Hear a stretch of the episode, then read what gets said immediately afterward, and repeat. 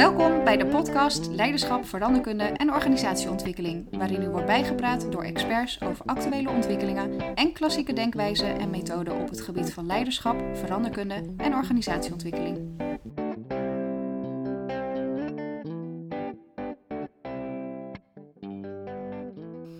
Wij uh, spreken vandaag over digitalisering en dan met name over hoe digitalisering organisaties verandert. En ik heb voor de microfoon de CIO van Alliander. Dat is een van de drie grote netbeheerders van dit land. En hiervoor was hij jarenlang actief in de telecomwereld, waar hij heeft gewerkt uh, met digitalisering, data en data-analyse. Uh, dus welkom Martijn Koning. Hey Christian. Jij bent CIO bij Alliander. Ja. Netbeheerder. Klopt. Daar heb ik nog wel een beeld bij. Ja. Maar CIO, wat doe jij de hele dag, man? Ja, uh, dat vraag ik me soms uh, ook wel eens af. uh, Wie niet? veel met mensen bezig, veel met technologie bezig. ook best wel wat vergaderen. Ehm, Alliander is een van de drie grote netbeheerders in Nederland. We hebben 90.000 kilometer elektriciteitskabel en 40.000 kilometer gasleiding in Nederland liggen. We dekken ongeveer 40% van Nederland af. Ehm, en staan voor een enorme uitdaging. Uh, namelijk de hele energietransitie, waarbij de hele elektrificatie van uh, de maatschappij plaatsvindt. We gaan steeds meer elektrische auto's rijden. Uh, dat zit aan de verbruikskant. Mm -hmm. en aan de opwekkant zie je dat we van ja. grote centrales die er stonden, we nu allemaal zonnepanelen op het dak hebben, of zonneweiders, of ja. windmolens op zee. Ja. Dus dat hele systeem is aan het veranderen. Okay. Um, ik ben verantwoordelijk voor een afdeling van, van 700 IT'ers.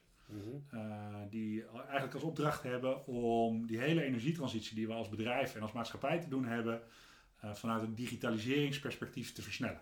Yeah. Uh, en dat doen we door samen met andere mensen uit het bedrijf teams te vormen, multidisciplinaire teams, en daar op een vernieuwende manier, agile werken, samen te werken aan het opleveren van digitale producten, mm -hmm. waarmee wij uiteindelijk die energietransitie kunnen versnellen. Oké. Okay. Um, maar wat doe je dan als, uh, je bent dan Chief Information Officer? Ja, ja. ja, dus waar IT vroeger werd gezien als een stafafdeling die gewoon zorgde voor de systemen, zie je dat zeg maar bedrijfsstrategie hè, of businessstrategie, digitale strategie en daarmee ook een IT-strategie steeds meer met elkaar verweven zijn. Ja. Hè, er is als je nu een bedrijf hebt of een organisatie, het hoeft niet per se een commerciële instelling te zijn, maar ook een publieke instelling, zonder een idee over hoe ze digitalisering een plek geven in hun bedrijfsvoering, mm -hmm. uh, ja, die, die kom je denk ik niet meer tegen. Uh, dus ze zitten wel Nee, verschillende fasen, denk ik, van, van volwassenheid waar ze staan. Staan ze aan het begin van de reis, halverwege of misschien al heel succesvol erin. -hmm. Uh, maar daarmee is de positie van de CIO, of de plek van informatietechnologie in de breedte van het bedrijf, hè, dus even los van die functie, maar de positionering van informatietechnologie in een bedrijf, die veel dichter bij de primaire processen komt te liggen, Ja. uh, zie je wel echt een grote verandering, denk ik, in de afgelopen nou, 10, 20 jaar. Ja. Um, nou, vond ik het leuk om met jou te praten, omdat ik heb een podcast over leiderschap, veranderkunde en organisatieontwikkeling. Ja, En jij haakt nu ook aan van ja, jij zegt dit is echt wel een grote verandering waar heel veel bedrijven doorheen gaan. ja. Dus dat vind ik ook wel leuk om eh, met jou daar eens over door te bomen. Uh, want misschien met IT'ers um, haak jij vrij snel aan over wat daar gebeurt. Maar er is een hele grote groep andere mensen in Alliander, kan ik me voorstellen, die daar misschien op een wat andere manier naar kijken. ja dat, dat speelt in Alliander en dat speelt ook, uh, speelde ook bij mijn vorige werkgever. Het grappige is, ik ben geen IT'er. Ik, uh, Nee. ik ben bedrijfskundige. Ja, oké. Uh, heb zeg maar voor deze CIO-positie eigenlijk ook nooit een puur technische functie vervuld. Nee. Veel commerciële functies altijd gedaan, maar ook wel, nou, wat ik straks al zei, op het vlak van technologie en mensen altijd. Mm -hmm. Um, en um, wat ik wel echt geloof, is dat grote veranderingen, zoals uh, de hele digitaliseringsgolf die over ons heen komt, uh, alles op het gebied van artificial intelligence, waar je natuurlijk steeds meer over ziet en hoort, en wat ook op nou, veel meer bedrijven dan in het begin impact uh, heeft. Um, de adoptie daarvan en het gebruik daarvan gaat niet over technologie. Hè, maar gaat over het in, de, in de breedte verhogen van de digitale of datageletterdheid van een organisatie. Ja. Ehm, hè, dus je kan een clubje data scientists hebben die op basis van allerlei algoritmes in staat is om een bepaalde voorspelling te maken. Mhm. Waardoor je het werk van mensen op een planningsafdeling of eh, in een callcenter eh, makkelijker eh, maakt. Ja? Uh, maar dat kan ook best beangstigend zijn. Hè? Neem, neemt AI onze banen over? Of, uh, ja. dat hoeft nog helemaal niet zo te zijn. Ehm, maar mensen meenemen in wat is het? En hoe kan ik het gebruiken? En hoe moet ik mezelf daarin ontwikkelen? Ja. is, is denk ik een van de belangrijkste elementen van digitalisering in organisaties. En, ja? en dat is precies wat we nu ook aan het doen zijn binnen Allianz. Maar als ik jou nou vraag, want hè, veranderkunde is ook mijn vak. Um, en ik ben er ook eigenlijk altijd mee bezig geweest van, joh, hoe krijg je nou mensen mee in de ontwikkeling die je moet lopen? Hè? Um, uh, ik heb zelf een, een, historie, met name in de publieke sector. Ja. Um, uh, da daar gebeurt ook heel veel. Je ziet zeker in deze tijd ook echt wel een soort van revival, denk ik, van de waardering van de publieke sector. Uh, we kijken nu met z'n allen opeens naar de overheid. Die overheid die velen vervloekt hebben. Uh, want het was toch allemaal traag en, uh, en niks. Maar nu ze kunnen helpen met uh, de economie gaande houden. Nou, dan is die overheid, die oude trouwe overheid toch wel weer, weer zinnig. en hoe komt dat dan, denk je? Ja, dat, dat vind ik wel een goede vraag. Nou, ik denk... Um, een deel van die overheid is natuurlijk gebouwd op wat dan misschien wat droog, maar algemene beginsel van behoorlijk bestuur. Hè? Mensen verwachten echt gelijke gevallen gelijk behandelen. Dat hoort daar ook wel heel erg bij. Voorspelbaarheid, betrouwbaarheid, dat is wat we zoeken in een overheid. Ondertussen is dat vraagstuk waar wij volgens mij het over hebben, uh, in die zin vergelijkbaar dat je dus een groep mensen hebt die je mee wil nemen in een bepaald proces. Want ook de overheid verandert, de samenleving verandert. Um, en dat heb jij ook met jouw netbeheerders. Dus dat is denk ik ook wel het leuke van hoe doe je dat nou precies? Ook als het om technologie gaat. Zeker. Zeker. En, en uh, weet je, dat, dat gaat uiteindelijk gewoon over veranderkunde. Ik uh, gebruik zelf graag ja. uh, de acht stappen van Kotter. Oh ja. Uh, waarbij ik het Burning Platform altijd een mindere stap vind. Ik ga toch meer uit van de grote droom of het lonkend perspectief. Ja. de kansen die, er, die erachter liggen. Maar daar begint het wel mee. Hè? Dus, dus hoe kijk je naar de wereld en, en hoe wil je die beter maken? En ik geloof in de kern dat iedereen uh, zijn werk uitvoert met het idee, joh, ik wil het beter maken. Ja, denk ik ook. Uh, uh, maar ook, ook enige cognitieve dissonantie is er natuurlijk in organisaties niet, niet vreemd. Dus je moet toch ook op zoek naar die leidende coalitie. Wie wil er mee? Ja. Ehm, en daar mensen warm voor laten lopen. en en een, een, ja, een compelling strategie ontwikkelen. waar je mensen mee kan, kan inspireren. Ja. Ehm, en waar het ook over gaat, hè, is uh, mensen bewust onbekwaam maken. Dus mm -hmm. uh, mooi voorbeeld, uh, dat heb ik bij mijn vorige werkgever gedaan. en hier bij Alliander zijn we daar ook mee aan de slag gegaan. is, ik hoorde heel veel termen over, ja, we moeten iets met AI, of we moeten iets met big data. Of, en als je dan daar een beetje op doorvraagt, dan merk je van ja, weet je, ik hoor het wel, het is belangrijk, we moeten er iets mee, maar wat het nou precies is, niet helemaal duidelijk. Nee. En dan vervolgens daar een soort schoolreisje van maken. En bijvoorbeeld met het hele directieteam gewoon twee dagen een diepgaande opleiding volgen. Hè, waarbij ze zelf ook code moeten kloppen of een logische regressie oh ja. moeten maken. Uh, het onderscheid tussen deep learning en machine learning gaan leren. En daarmee nou, niet per se zelf data scientist moeten worden, maar wel beter vanuit een bestuurlijk perspectief gaan begrijpen. En wat moet ik nou doen om dit soort technologische veranderingen in mijn organisatie nou, te laten ontstaan, uh, besturen. Hoe moet ik het laten groeien? Hoe kan ik het resultaat uithalen? Wat moet ik wel doen? Wat moet ik niet doen? Mm -hmm. uh, is heel belangrijk om een platform te creëren uh, voor nou, mensen in rollen zoals ik die heb. Ja. in ieder geval voldoende ruimte te hebben en, en, en, en begrip te creëren voor de stappen die je wilt zetten om veranderkundig ook iets in een organisatie te doen. Ja. Want anders dan is die, de technologie is maar de technologie, weet je. En dan ga je dan in je, in je zolderkamer of Ja. in je kelder met IT-jongens en meiden, ga je dat dan doen. Ja. Maar daarmee wordt het niet geïncorporeerd in de businessstrategie. Nee. Nou, had jij het net over Kotter. Ehm, en ik zat zelf te denken, eh, en ik weet niet of jij die nou zelf ook veel gebruikt, aan de veranderkleuren van de KDW. Nee? Oké, nou, kan ik nog wel eens een nieuwe podcast over maken? Dat zou nog best interessant zijn. Misschien moet jij mij dan eens interviewen of zo. Oh, goed idee. Ja, nou, dat ja, vind ik best leuk. Ik heb sowieso die gedachte wel eens van, joh, eh, ik heb best ook wel gedachten die ik zou willen meegeven in de podcast. Maar ja, ik ben degene die de vraag stelt. Ja. Eh, dus dat is dan toch... Nou, eh, draai een keer op. ja, vind ik leuk. Leuke gedachte. Dus dat, dat gaan we doen. bij deze afgesproken. Ehm, maar eh, even heel kort, die gaat eigenlijk uit van eh, hoe je nou goede setjes geeft aan zo'n veranderproces. En eh, sommige daarvan, die het zijn vijf kleuren, nogmaals, ga ze niet helemaal uitweiden. Maar waar jij het over hebt, is vooral ook van ja, hè, als mensen gemotiveerd zijn, als ze snappen waar het over gaat, dan komen ze wel in beweging. Hè? Je had het ook over dat bewust onbekwaam maken en zo. Ehm, terwijl aan de andere kant, eh, wat nou als dat niet leidt tot de verandering die jij hebben wil?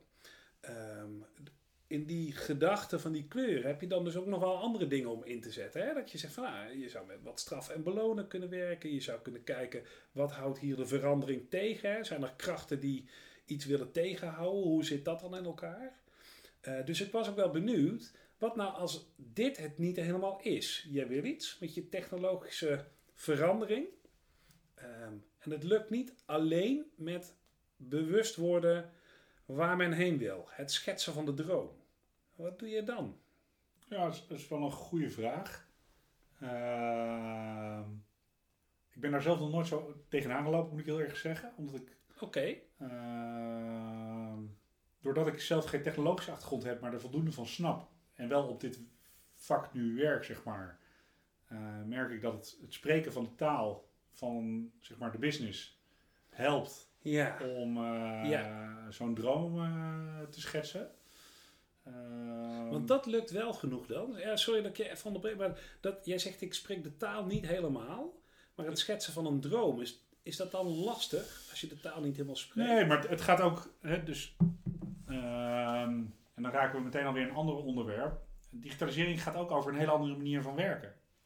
Ja. Ehm, en eh, ik weet niet of je het filmpje eh, op, eh, van TED komt, geloof ik, staat op YouTube ook gewoon de First Follower. ja, Crazy Dancing Man. zeker. Ehm, eh, voor de luisteraars, ik zou hem een keer googlen als je hem nog niet kent. Hij is echt superleuk. Hij is heel leuk. Duurt twee minuten geloof ik. En je weet meteen wat er bedoeld wordt. Ik zet het linkje in de beschrijving In de- van de podcast. In de, in de notes, precies. Ga ik doen. Ehm, je ziet natuurlijk in, in, een, in een hele digitaliseren, digitaliserende verandering van de organisatie gaat het ook over nou, het, het organiseren van het juiste talent. Eh, hè, voldoende expertise binnenhalen.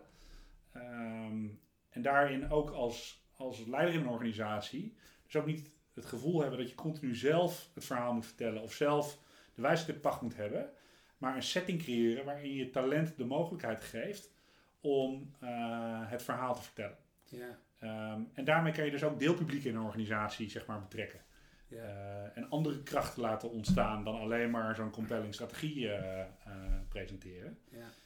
Ehm, en, en dat is denk ik wel echt het grote verschil met andere organisatorische of bestuurlijke veranderingen die veel organisaties hebben meegemaakt. Digitalisering gaat niet over technologie, gaat niet over processen, Mhm. gaat niet over cultuur, gaat niet over ways of working, gaat niet over talent, maar gaat over de orchestratie van al die onderwerpen samen. Juist. Want dan word je daarin eh, echt succesvol. Ja. En dat is best ingewikkeld, hè? want je hebt dus heel veel expertisegebieden in een organisatie nodig Ja. om digitalisering succesvol te maken. Hè, dus ik doe heel veel samen met mijn HR-collega's, heel veel samen met mijn finance-collega's, eh, met de business, eh, met mijn eigen IT-afdelingen. Ehm, eh, partners in de, in de buitenwereld waarmee je samen dingen doet. Eh, open source community, hè, dus, dus ook nou, conculega's waar je wellicht eh, samen mee creëert. Dus het, het, het inzetten en, en laten bewegen van Ja. een digitale transformatie Ja. ja, is, is, een, is een samenspel van al die verschillende bouwblokken. Ja. Dat maakt het ehm, eh, ingewikkeld, maar ook ontzettend leuk. Ja. Ehm, en, en verschillende veranderkundige instrumenten zijn dus ook op verschillende momenten bij verschillende publieken eh, op verschillende vraagstukken eh, noodzakelijk. Nou, spelen twee vragen door mijn hoofd die ik eigenlijk... Die wil ik nog wel beantwoord hebben voordat wij klaar zijn. En de, de eerste, die parkeer ik nu even. Dat is de vraag, je had het net over, ik schets dat wenkend perspectief. En eigenlijk wil ik, voordat we klaar zijn, dat nog wel even van jou horen. Wat is dat wenkend perspectief nou? En de tweede, dat ging over die eh, Dancing Man, waar we het net over hadden. Dat filmpje. Ja.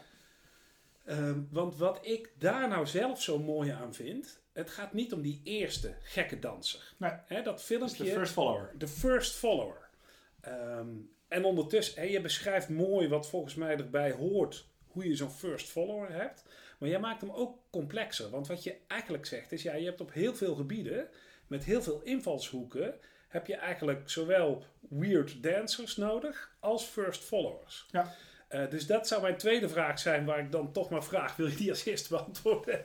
Van joh, hoe, eh, hoe zorg je nou dat die er komen dan? Ehm, nou, en dan raak je meteen weer cultuur.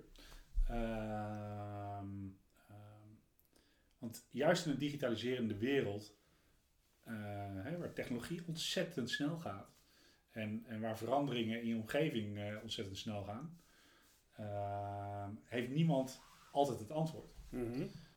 Maar dat is ook super eng en spannend om toe te geven. Dus het Ja. creëren van een sfeer en een cultuur waarin eh, kwetsbaarheid er mag zijn. Ja. eh, en je mensen bewust maakt dat je helemaal niet alles hoeft te weten als je maar open staat om te leren, is denk ik essentieel. En daarmee, als je dat weet te bereiken, durven mensen ook niet eh, of toe te geven dat ze niet per se de leider zijn, maar wel eh, iemand die het wel weet durven te volgen. Want het gaat niet over, over willen, maar het gaat ook over durf, durf ik iemand te volgen. Geef ik de Ja. ander het vertrouwen om mee te gaan in datgene wat, eh, wat diegene schetst. Nou, zei jij net, een deel van het geheim zit in kwetsbaar durven zijn. En nou zoek ik eigenlijk naar een voorbeeld van jouzelf. Van joh, waar was jij dan zelf een keer heel kwetsbaar door dat ook te laten zien? Nou, kwetsbaarheid is denk ik een, een, het is een begrip wat je op vele wijzen kan uitleggen. Ehm, waar het over gaat is dat je als een leider eh, niet altijd hoeft te leiden. Mhm. Dus ook kan volgen. Ja. En eh, recent hadden we een mooi voorbeeld. We zijn druk bezig om een zogenaamde enterprise architectuur neer te zetten. Dus hoe moet het landschap eruit zien voor qua IT? Ehm, ehm, en daar hadden we in het verleden was daar een technologiekeuze gemaakt waar ik erg enthousiast van was. Ik had, eh, zoals zoveel IT'ers, ook een sticker op mijn laptop eh, van de technologiekeuze die we daar eh, gemaakt hadden. En eh, ehm, eh, de jongen die sinds kort chef van de architectuurclub is, die ging, moest een keuze maken over dat stuk technologie. Mhm. En ik ging ervan uit dat we daar vol mee, aan de, mee doorgingen. Dat we daar mensen op gingen werven, gingen schalen en noem maar op. En eh, hij kwam eh, naar me toe en zei, joh, we hebben vandaag met architecten bij elkaar gezeten en eh, we stoppen hiermee. Ehm, Oké. en dat was totaal tegen mijn verwachting in. Ja. Ehm, en ik heb de plekken waar hij bij was, die sticker van mijn laptop aflopen schrapen. Ja. Ehm, omdat het belangrijk is, hè, even in die, in die hele transitie die, we, die we maken, om hem als chef architectuur een plek te geven. Dus ik volg hem in Ja. zijn architectuurkeuze. Ja. Ehm, eh, dus mensen kwamen ook naar me toe, "Wat- wat vind je ervan? Ik zei, nou, ik vind daar niet zo heel veel van. Nee. hij, hij heeft deze klus. Precies. Eh, hij is de kennishebbende. Ja. Ehm, en ik vertrouw hem daar volledig in en ik support hem daarin, dat hij daarin de juiste keuzes maakt. Ja. Ehm, nou, dat is denk ik in veel organisaties, hè, waarbij Mhm. nou, de chef van een club eh, dat gewoon neerlegt bij iemand en daar ook volledig achter staat. Ook al was dat niet eens je eigen... iets. Want ik heb ook voor groepen mensen gestaan en gezegd, joh, wat Ja, is de richting? je was die sticker aan het promoten. Ik was die sticker ja, aan het promoten. Zeker. Ehm, ehm, nou, en daar dan ook op terugkomen, omdat een kennishebbende, eh, die, die Ja. daarvoor opgesteld staat in je team, Ja. eh, een andere richting kiest. Eh, nou, dat, dat, dat soort vormen van kwetsbaarheid. Natuurlijk heb je ook persoonlijke kwetsbaarheid, maar ik vind Nee. dit organisatorisch denk ik een mooi voorbeeld van eh, hoe kwetsbaarheid eruit kan zien. Ja. Eh, van hoe je dat dan zeg maar moet richten. Nee, waar, waarbij nou, in dit voorbeeld, hij de crazy dancing man was en ik de first follower. Ja, en dat vanuit een andere hiërarchische positie is dat inderdaad mooi. Ja. Dus, heb je overigens daarna ook voor een groep nog eens be- betoogd waarom je die switch hebt gemaakt? Ehm, zeker. Ik heb wel uitgelegd waarom ik het belangrijk vind dat de keuzes daar gemaakt worden waar Ja. ze gemaakt worden. Ja. Eh, Dan maak je me echt af. ja, zeker. Nee, dat is mo- mooi. Zeker.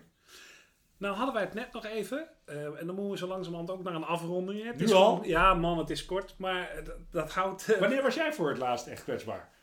In, in zo'n situatie. Oh, goede vraag. Ehm, daar moet ik even over nadenken. Ehm, laat ik hem dicht bij huis houden en misschien heel recent. Ehm, want ik ben nog niet zo heel lang geleden begonnen met deze podcast. Ehm, ik heb er natuurlijk van tevoren heel veel geluisterd.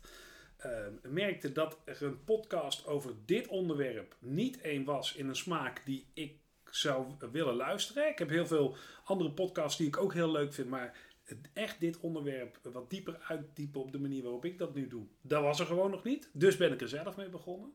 En ik vind het rete spannend. Eh, niet zozeer die gesprekken voeren, want dat vind ik hartstikke leuk. Ik ben van nature hartstikke nieuwsgierig. Eh, dus die vragen aan jou stellen vind ik heel leuk. Ondertussen, eh, dit genereert ook heel veel ja, feedback en traffic daarop. En mensen hebben er een mening over. Ja. En de een die vindt dat ik iets meer daar aandacht aan moet geven. En de ander die vindt dat ik iets minder eh, dit moet doen of iets meer dat. Eh, mensen wijzen me op stopwoordjes. Mensen wijzen me op, eh, op onhebbelijkheidjes die ik heb in die podcast. Ik wil het spontane gesprekken laten zijn. Dus er zitten heel veel eurtjes en aatjes tussen. Word ik ook op aangesproken. Ehm, en ehm, ik ben daar nu best oké mee, omdat ik die feedback eh, waardeer. En ondertussen is het ook een beetje, ja, ehm, eh, mijn kindje wat zich aan het vormen is. Ja. Ehm, dus ik vind dat ook spannend. Ja, weet je, en dat ontwikkelt zich natuurlijk ook. Hè? Dus als je ook die eerste podcast van andere podcastreeks luistert, eh ontwikkelen die zich ook. Dus volgens Ja. mij, eh, maar je hebt wel gelijk. Het is wel, je, je staat wel echt eh, ja, vol in de, in, de, in de spotlight en in, in, de, in de wind, Ja. zou ik maar zeggen. Ja. Eh, en je doet het wel, dus dat is wel stoer. Ja, ik vind het leuk om te doen ook. Dus dat helpt ook, denk ik. Maar Ja. jouw vraag, ben je daarin kwetsbaar? Ja. Niet zozeer in het maken van die podcast, maar wel in wat je erover terug hoort. Hoewel ik daar ook naar op zoek ben. Dat is dus het gekke. Eigenlijk zoek ik de kwetsbaarheid ook een beetje op, want daar wordt het gewoon beter van. Wel En een leuk onderwerp trouwens, kwetsbaarheid. Eh, moet je ook even in de, in de, eh, in de notes eh, zetten. Ja? Nog een TED-filmpje, The Power of Vulnerability van Brene Brown.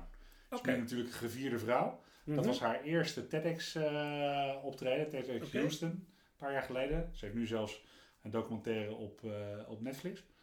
Er is wel echt een heel gaaf filmpje om eens te bekijken. Ja, ga ik er ook in zetten. Dan toch nog even. En nu geef ik je een uitdaging. Want ehm, eh, ik probeer het ook een beetje kort te houden. Die droom die je hebt geschetst over digitalisering. Kun je dat nou eens in hè, eh, die elevator pitch, in one minute. Ehm, maar wat, wat, welke droom hou jij je mensen voor als CIO? Nou, kijk, de, de digitaliseringsvisie is niet iets van de CIO. Hè? Dus dat is echt iets wat er eh, over het bedrijf eh, moet komen. Heb je mooi verteld. Ehm, ehm, wat we recent eerst hebben gedaan is eigenlijk een nieuwe. We hebben de IT-organisatie van Alliander eh, echt wel eh, radicaal veranderd. Het was een vrij standaard organisatie, gesiloed, op, eh, hè, waarbij de IT-organisatie gespiegeld was op de rest van het bedrijf. Ehm, en we zijn nu naar een organogram gegaan. We kunnen dat plaatje misschien wel ook in de show notes zetten. Als je dat hebt. Zeker. Het is een hele gave tekening. Ik zal het even visueel uitleggen voor de luisteraars. Maar dat is een hart. Waarbij we eigenlijk zeggen, we willen het hart terugbrengen in IT. Ehm, eh, mensen trots te maken op hun vak. Mhm. Eh, ze te laten voelen wat voor impact ze hebben op Alliander. En daarmee op Nederland en de hele energietransitie die we te maken hebben. Waarbij we juist vanwege die snelheid van technologische ontwikkeling het vakmanschap van mensen centraal stellen. En daar in de organisatie ook expliciet een onderdeel voor hebben ingericht. Waarbij we mensen continu eh, ja, spiegelen om te ontwikkelen. Mhm. Ehm, en op die manier ook duiden dat die mensen uiteindelijk de waarde voor het bedrijf eh, schetsen. Hè, dus het lonkend perspectief van, joh, jij als medewerker van IT bent de centrale bouwsteen. eh, en jouw vakmanschap is de centrale bouwsteen eh, van de digitaliseringsambities van ons bedrijf. En we willen graag een omgeving scheppen waarin je je vakmanschap continu kan ontwikkelen. Ja. Zo hebben we het neergezet. Waarbij we juist alle coördinatie, eh, te veel overhead, te veel management, te veel van dat alles Ja. eh, daar eh, proberen weg te houden. Ja. Medewerkers autonomie en verantwoordelijkheid te geven. Ehm, ja, en daarmee een setting creëren waardoor je nou, maximaal investeert in dat vakmanschap. Eh, ehm, minimale set van coördinatie en regels hebt. Om uiteindelijk die digitalisering, die gaat uiteindelijk om kloksnelheid omhoog brengen. Om die snelheid te creëren waarmee we de impact op het bedrijf en daarmee op die energietransitie kunnen vergroten. Mooi gezegd. Mooi gezegd. Niet in één minuut. Maar de- nee, maar eh, je, je helpt mij ook wel even de context te schetsen. Hè? Ik bedoel, zonder die context is het voor mij ook lastig om hem te duiden. Dus Ja. eh, die, eh, die, zal ik je, die je niet kwalijk nemen. Ehm, ik heb het gevoel dat wij niet helemaal uitgepraat zijn. Nee, Ehm, en de belofte om het een keer om te draaien, Gaan die staat doen. ook. Ja, vind ik ook leuk. Ehm, maar dankjewel voor nu. Graag En, gedaan. ehm, eh, wij spreken elkaar. tot snel. Yes. Dankjewel voor het luisteren. Heb je vragen, tips of opmerkingen? Laat me dat dan weten via LinkedIn of christianvdberg@gmail.com.